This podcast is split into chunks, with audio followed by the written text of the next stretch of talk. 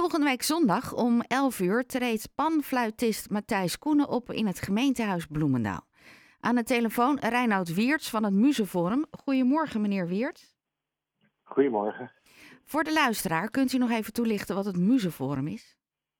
Ja, Muzeforum is een uh, stichting in de gemeente Bloemendaal. En al sinds de Tweede Wereldoorlog uh, organiseren ja, wij, dat is natuurlijk ook voor mijn tijd, uh, concerten. De historie is heel bijzonder. Hè, dat het begon met Joodse muzici die ondergedoken zaten. En speelden om nou ja, wat te doen, maar ook om wat geld eten te krijgen. En na de oorlog is dat voortgezet. En acht keer per jaar op zondagochtend hebben wij de mooie kamermuziek. En dat is. Het gemeentehuis van Bloemendaal. Ja, hoe bijzonder is dat dat het gemeentehuis dan op zondag de deuren openstelt? Ja, nee, dat is super. Daar zijn we natuurlijk heel erg blij mee. Het is zelfs zo dat het gemeentehuis ook speciaal echt een beetje gebouwd is om dat ook een kleine concertzaal erin te hebben. Dus het is, in die zin gaat het echt ver terug in de historie van Bloemendaal. Komende zondag, dus om 11 uur, panfluitist Matthijs Koenen. Is dat de eerste keer dat jullie een panfluitist hebben? Nou ja, we staan zo'n 75 jaar, dus uh, ik ben niet alle archieven ingegaan. Maar in ieder geval in de tijd dat ik er kom, wat nu zo'n 15 jaar is, uh, heb ik het nooit meegemaakt. Dus het is absoluut heel bijzonder. Ja. Wat voor uh, muzikant wij, is hij? Met...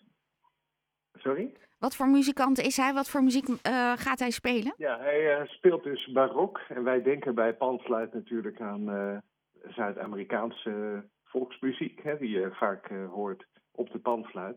Maar de panfluit komt eigenlijk al vanuit de klassieke tijd. En um, um, had dus ook in de baroktijd rondreizende ensembles, Les Pastourelles bijvoorbeeld, die um, een herdersfluit ook gebruikten in hun muziek. Dus het uh, gaat eigenlijk terug naar ook, nou ja, een beetje het uh, begin van onze muziek. Dus dan hebben we het over uh, begin 18e eeuw, eind 17e eeuw, begin van de barok. En, en hij is niet de enige die optreedt, dus komen ook nog andere muzikanten mee? Ja, klopt. We hebben ook Elise Dupont, Frank Polman en ehm, Octavie Dostale Lalonde. En die spelen barokviool, viool en uh, cello. Dus, uh, oh, en ik zie dat we ook een klaversymbol hebben met Siebe Henstra. Dus het is een, een mooi barok ensemble met als bijzondere element dus de panfluit. Uh, Matthijs Koenen die langs gaat uh, komen, de, de, kunnen ja. we hem ergens van kennen voor de mensen die helemaal thuis zijn in de barokmuziek? Is hij een bekende naam? Op het gebied van de panfluitisten is hij een van de grote sterren.